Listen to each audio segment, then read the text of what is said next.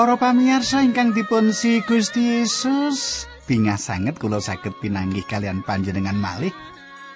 Inggih kados padatan wonten ing adicara margi utami adicara ingkang sampun panjenengan antos-antos. Bapak Setyo Utomo telepon kula, Pak. Wah, margi utami saestu ngidapi-dapi. Wah, kula kathah berkah, Pak. Matur nuwun sanget. Kula jenengan dongaaken saged khotbah kados Bapak. Wah, nek ditiru niku nggih angel, nggih nek ditiru angel menika nggih. Nah, para pamirsa, kula panci kepengin nderekaken panjenengan sepatus panjenengan saestu mangertos kayektosan kitab suci.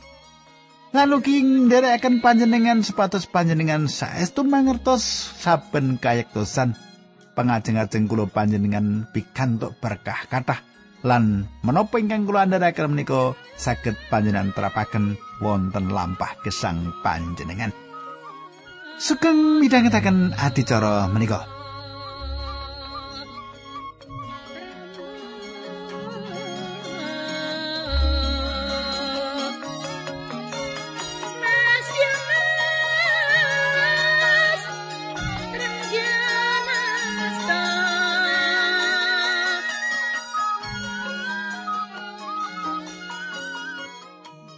Para pamirsa menapa panjenengan tasih kemutan menapa ingkang kula aturaken duk nalika pepanggihan kepengker menika? Nggih wonten ing pepanggihan kepengker menika kita sampun nyemak Paulus.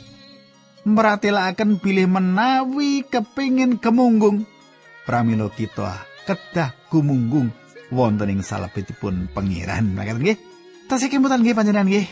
Nah sadèrèngipun kita lajengaken monggo kita ndedonga sesarengan Duh Kanjeng Rama ing swarga kawula ngaturaken gunging panuwun menawi wekdal menika kawula saged tetunggilan kalian sedherek kawula. Kawula nyuwun berkah panjang kung sanging paduka tumrap sedherek kawula lan berkah mriki menayu pepanggian-pepanggian menika supados kawruh babakan kasukman sedherek kawula menika katambahan. Dinambaran asmanipun Gusti kawula Yesus Kristus kawula ndedonga haleluya amin.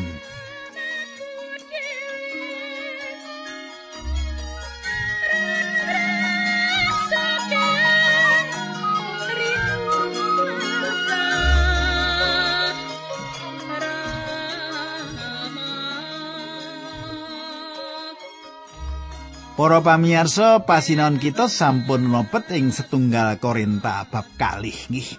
Kula waosaken ayat setunggal.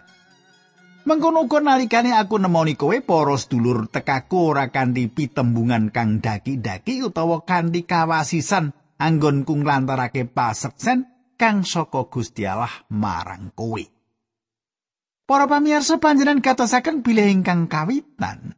Paulus mboten ginakaken filsafat ing salebetipun piyambakipun mucal. Piyambakipun sanes juru khotbah alasan teks utawi alasan irah-irahan. Piyambakipun menika tiyang ingkang nyetakaken ekspositor pangandikanipun Gusti Allah. Manut kula ingkang dipun tindakaken Paulus menika satunggalipun cara Gusti Allah. Inggih menika cara ingkang dipun agem Gusti kita. Paulus ugi mboten ginakaken basa ingkang inggil. Menika nggih kaping kalih Paulus mboten mlebet ing salebetipun kawicaksanan jagat anggenipun mratelaken pasaksinipun utawi wadinipun Gusti Allah. Menapa ingkang dipun kajengaken gegayutan wadi menika? Wadi mboten wonten sanes liripun inggih menika ingkang dereng nate dipun bikak saderengipun. Kengkeran utawi wadi Gusti Allah ingkang dipun wartosaken Paulus inggih menika Gusti Yesus Kristus ingkang sampun dipun salipaken. Babagan wucalan menika dereng nate dipun wucalaken saderengipun nanging samenika dipun pratelakaken ing salebetipun perjanjian lami anggenipun Gusti Yesus dipun salib menika wonten ing perjanjian lami namung dipun pratelakaken minangka satunggalipun gegambaran lan pameco samenika kita lajengaken ayat kali sebab aku ora duwe sedya nyumurupi apa-apa ana ing antaramu kajaba Gusti Yesus Kristus yaiku panjenengane kang sinalib para pamirsa Paulus mboten mlebet ing salebetipun diskusi-diskusi filsafat ingkang ngandhatengaken cecongkran gender. Piyambakipun langkung kadudut manahipun ing salebetipun martosaken salib Kristus. Paulus martosaken sang juru slamet ingkang sinalib. Panjenenganipun ingkang sedo kangge dosa-dosa jagat inggih menika gambaran peladusan ingkang dipun betahaken ing jaman samenika. Inggih to? kita lajengaken ayat 3 lan meneh tekaku nemoni kowe iku kalawan apes lan wedi banget sarta gumeter. Para pamirsa Paulus mikak manahipun lan ngejaraken kita saged mangertos menapa ingkang dados gagasanipun. Kandi cetha piyambakipun meratelaken bilih wekdal wonten ing antawisipun tiang-tiang. Saestu sanget dening ajri. Piyambakipun wonten ing salebetipun apes lan wedi sanget. Paulus mboten gadah pikiran ngegungaken badan piyambak. Nanging piyambakipun menika tiang ingkang saestu pinter lan tiang ingkang ngidap-idaping samukawis perkawis. Cetha piyambakipun mboten nate gadah pikiran bilih badanipun piyambak menika ngidap-idapi. Samenika ayat sekawan, anggonku caturan utawa anggonku martakake ora nganggo tembung-tembung kang wasis kang yakinake nanging kalawan yakin ing bab kegiatan sang roh.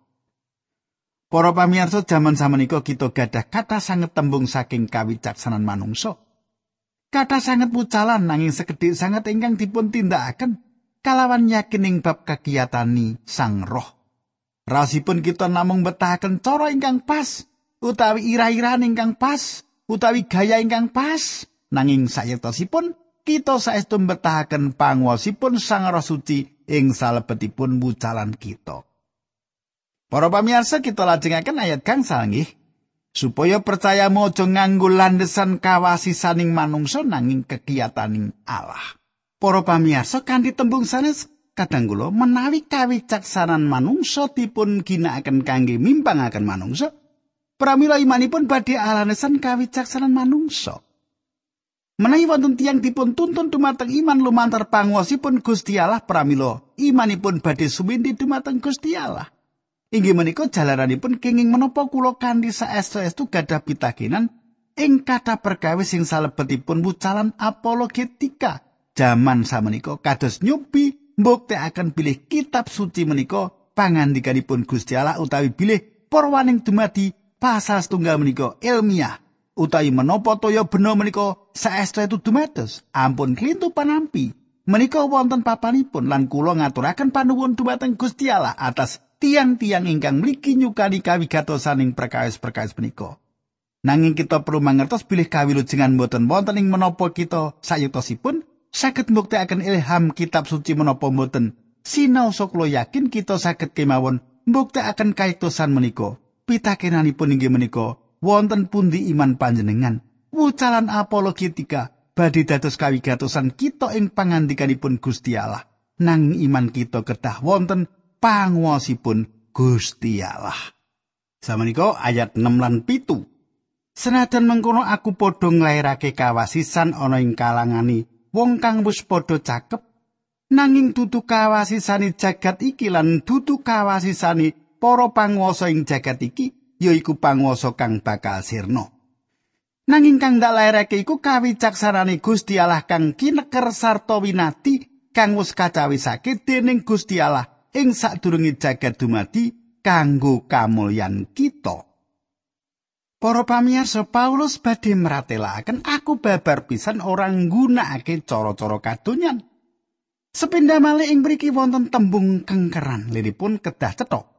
Tembung menika mboten wonten sumberipun pitedah kanthi menapa ingkang umumipun kita anggap cangkriman utawi kalian sinten ingkang nindakaken. Ingkang dipun kajengaken. Satunggal pawartos ingkang gegayutan kelan bab iguh saking piyawon ingkang minati. Menika mboten wonten gegayutan kalian mutu utawi inggil lan cendhekipun wadi. Tembung kanggaran kados ingkang dipun ginakaken ing salebetipun kitab suci ngarah ing satunggalipun ingkang boten dipun mangertos ing jaman kepengker nanging samenika dipun pratelakaken. Tembung menika saged dipun panggihaken kirang langkung wonten 17 ping wonten ing perjanjian enggal. Gusti ginakaken tembung menika ing wekdal panjenenganipun paring pangandikan, "Kowe padha kaparingan kamurahan diparengake nyumurupi wadining kraton swarga nanging wong iku padha ora kaparingan." Matius 13 ayat 11. Para pamirsa, pasemon ingkang kita panggihaken ing salebetipun Matius 13 inggih menika pasemon winadi. Keng menapa tiang-tiang menika mestani pasemon winadi awet ing salebetipun pasemon menika Gusti Yesus nyetakaken pitedah Bilih kerajaan badhe wonten satunggalipun wekdal ing antawisipun tiang-tiang ingkang nampik sang raja kalian mangsa ing pundi panjenenganipun rawuh malih ing ngedekaken kerajaanipun. Golongan sejarah menika sayektosan babar pindah mboten dipun pratelaken ing salebetipun perjanjian lami. Gusti Allah dereng mratelaken babagan menika dumateng manungsa. Matius 13 inggih menika ingkang kawitan pindah Gusti Yesus ngrembak gegayutan pasemon-pasemon winati menapa ingkang saderengipun kasingitaken dipun pratelaken dening Gusti Yesus. Cetha nggih panjenengan nggih aja ngalamun.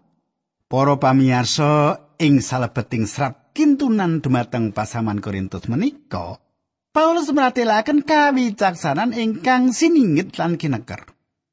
Perkawis menika cekap dados kawigatosan awit inggih menika tembung ingkang dipun lairaken dening sekolah-sekolah filsafat Yunani, ilmu gaib, lan kawruh pengetahuan. Kengkeran asalipun saking tembung ingkang liripun tutuk lan liripun inggih menika nutup tutuk menika satunggalipun perkawis ingkang ngandut kengkeran. Kados pundi kemawon ugi Paulus mboten nate ngginakaken kados makaten.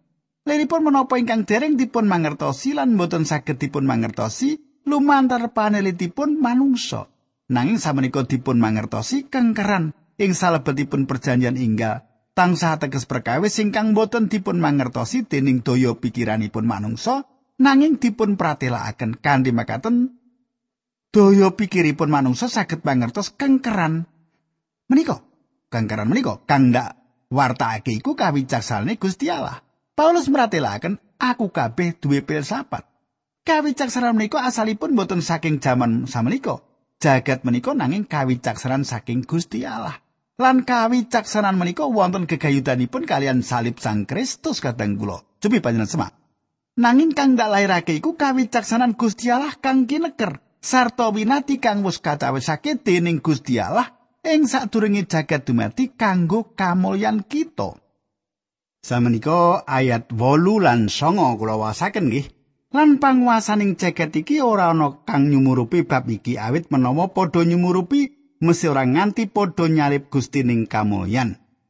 Nanging kaya kang katulisan wiraose kang ora tau kadeleng ing mripat lan ora tau rinungu ing kuping, sarta kang ora tau tuwuh ing atining manungsa, kabeh kang wis kacawisake dening Gusti Allah marang kang padha nresnani panjenengane iku.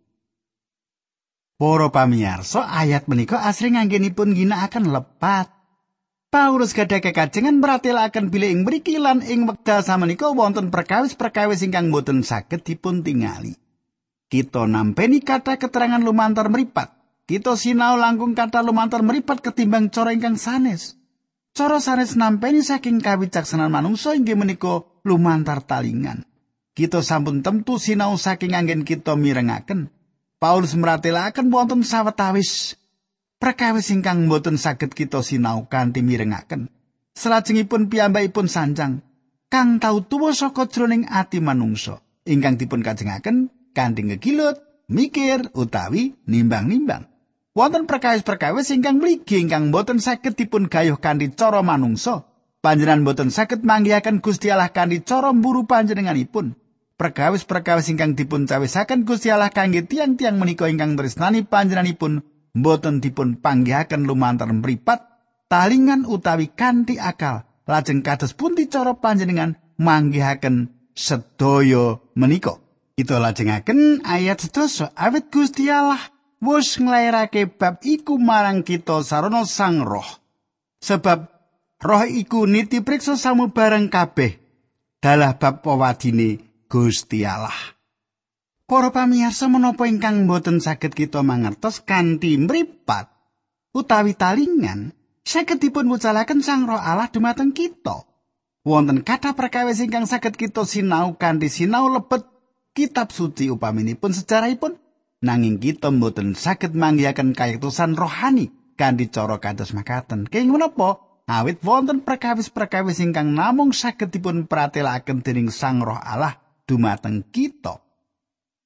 Cobi kita lajengaken ayat 11 nggih bab kali. Awit sapa to antaraning manungsa kang bisa nyumurpi apa kang tinemu ana ing atine, kejaba mung roe manungsa iku dhewe kang ana ing batine. mengkono uga ora ana wong kang sumurup apa kang tinemu ana ing Gusti Allah kejaba roe Gusti Allah. Para pamirsa, panjenengan kula saged mangertos satunggal kalian ingkang sanes awit kita gadah roh manungsa. Upaminipun kula mangertos kados pundi rasan panjenengan wekdal panjenengan dawah.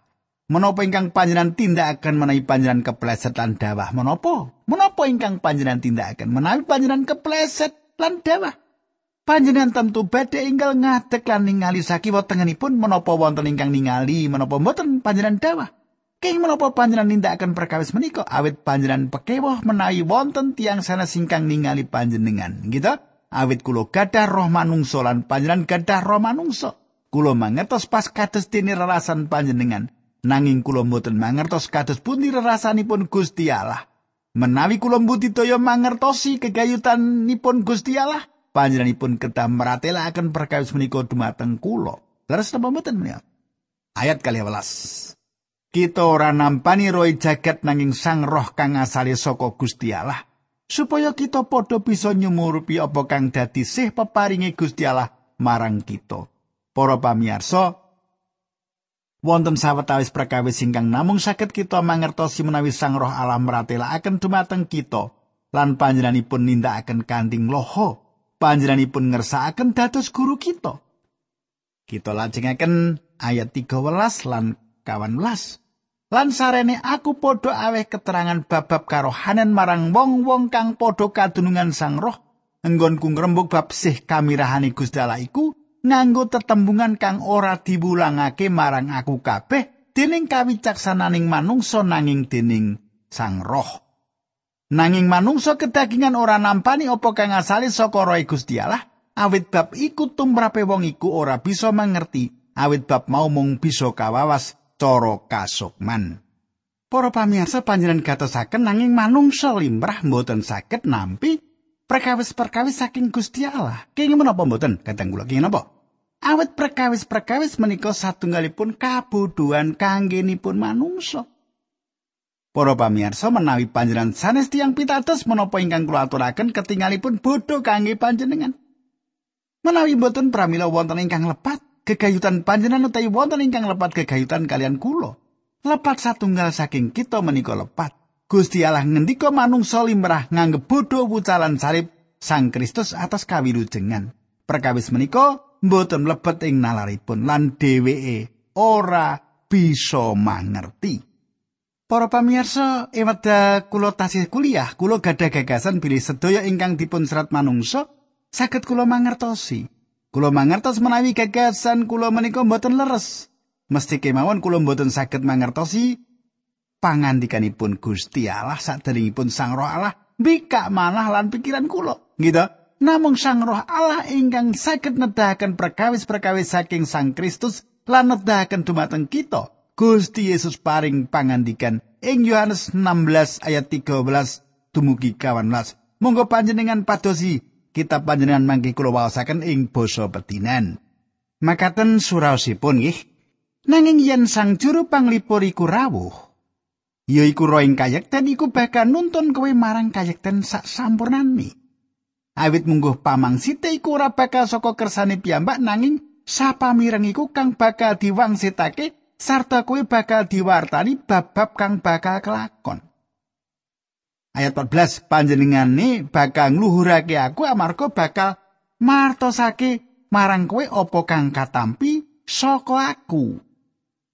Para pamirsa menawi Sang Roh Allah mboten nedahaken perkawis-perkawis kegayutan Sang Kristus dumateng panjenengan. Serat kintunan dumateng pesaman Korintus menika babar pindah mboten wonten tegesipun kangginipun panjenengan. Ngertos nggih? Kita lajengaken setunggal Korintus kali hayat kang 11 ngantos 16. Balik wong kasukman iku niti priksa samubarang kabeh nanging awake dhewe ora kaditi dening liyan. Sebab sapa tekan nyumurupi penggalihe pengiran nganti bisa mulang panjenengani nanging aku padha kadunungan penggalihe Sang Kristus.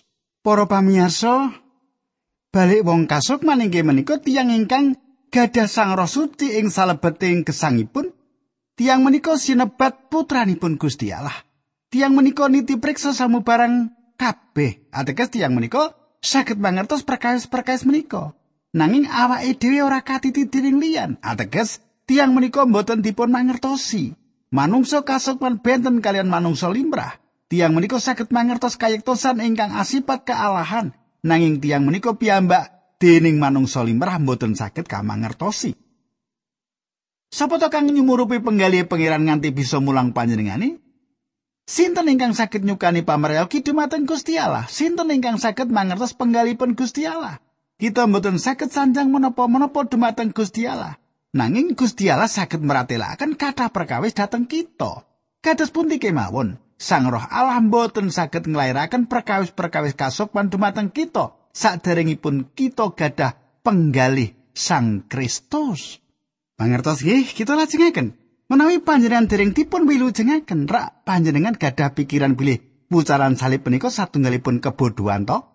Rak panjenengan gadah pikiran bilih tiang ingkang pecah ing kajeng salib ateges tiang menika awon to? Rak perkawis menika ketingal radi bodho ketimbang cara kawilujengan ingkang sayektosipun kangge panjenengan. Nanging Gusti Allah paring pangandikan bilih cara lan kawicaksanan panjenenganipun inggih menika maringaken putranipun supados sedo ing kajeng salib kangge kita supados kita wilujeng lan kita kedah kumandel dumateng panjenenganipun. Menawi panjenengan jujur, kula yakin panjenengan kedah ngakeni bilih menika kapirengipun bodho. Para pamirsa ingkang dipun tresnani Gusti, Paulus nglairaken kalih jinis manungsa. Manungsa limrah lan manungsa kasukman. Manungsa limrah inggih menika lari Adam dipun lairaken ing jagat kanthi mbetosi padosa lan ingkang dipun tindakaken namung piawon kemawon. Kasunyatanipun namung menika ingkang saged dipun tindakaken manungsa limrah. Malah ing wekdal kita nindakaken ingkang sae, kita atindak kanthi sawetawis pamrih. Sesabunipun kita dados tiyang pitados kita kedah tangsa naliti manah kita kangge mangertos menapa kita atindak kanthi maneka werni pamrih, malah wekdal kita nindakaken pakaryanipun Gusti. Paulus meratelaken bilih manungsa limrah mboten badhe nampi perkawis-perkawis ingkang wonten gegayutanipun Sang Roh Allah. Perkawis-perkawis menika satunggalipun kabodohan kangginipun kita. Para pamirsa, pemimpin ingkang gadah anggapan bilih piyambakipun saged ngrampungaken samukawis kanthi kawicaksanan ingkang dados gadahipun. Nanging manut kula menawi tiang-tiang menika mboten gadah pangertosan kegayutan perkawis-perkawis kasukman, pramila menapa ingkang dipun tindakaken badhe dados ngloho tanpa gino. Gladson ngendika pilih tondo tiang dados pemimpin negari agesang inggih menika tiang menika mangertos arah lan kersanipun Gusti Allah. Seket taun ingkang badhe kelampahan. Sayektosipun kita mboten saged gadah pengajeng-ajeng kekatahan saking manungsa limprah. Para pamirsa, salajengipun wonten jinis manungsa sanesipun inggih menika manungsa kasukman. Paulus meratelaken bilih manungsa kasupan menika niti priksa samukawis. Ateges tiyang menika paham piyambakipun gadah kelantipan babagan kasukman. Panggraita kasukman ingkang landhep dados jalaran tiyang menika jagat asring klintu penampi kalian tiang menika. Awit manungsa limrah, mboten saged mangertos makatan kemawon kenging menapa tiang menika nindakaken, menapa ingkang kedah dipun tindakaken. Inggih menika bentenipun antawisipun manungsa kasukman kalian manungsa limrah. Panjenengan badhe mangertos bilih tiang menika kalebet jinis manungsa ingkang kados menapa kita tingali saking kegayutanipun kalian kitab suci. Pangandikanipun Gusti Allah kangge manungsa limrah menika satunggalipun kabuduan. Manungsa kasukman ningali pangandikanipun Gusti Allah lan mangertos pentingipun. Para pamirsa, monggo kita tumungkul kita ndedonga rumiyin. Duh Kanjeng Rama kawula matur nuwun dene sinaosa dereng paripurna nanging kawula matur nuwun dene kawula saged mangertos babagan-babagan kayektosan pangandikanipun Gusti. Kawula pasrahaken wonten ing asta patuko Gusti Yesus sederek-sederek kawula menika supados pangandikan patuko saged dipun lampahaken wonten ing gesangipun. Dinambaran asmanipun Gusti Yesus Kristus kawula ndedonga haleluya amin.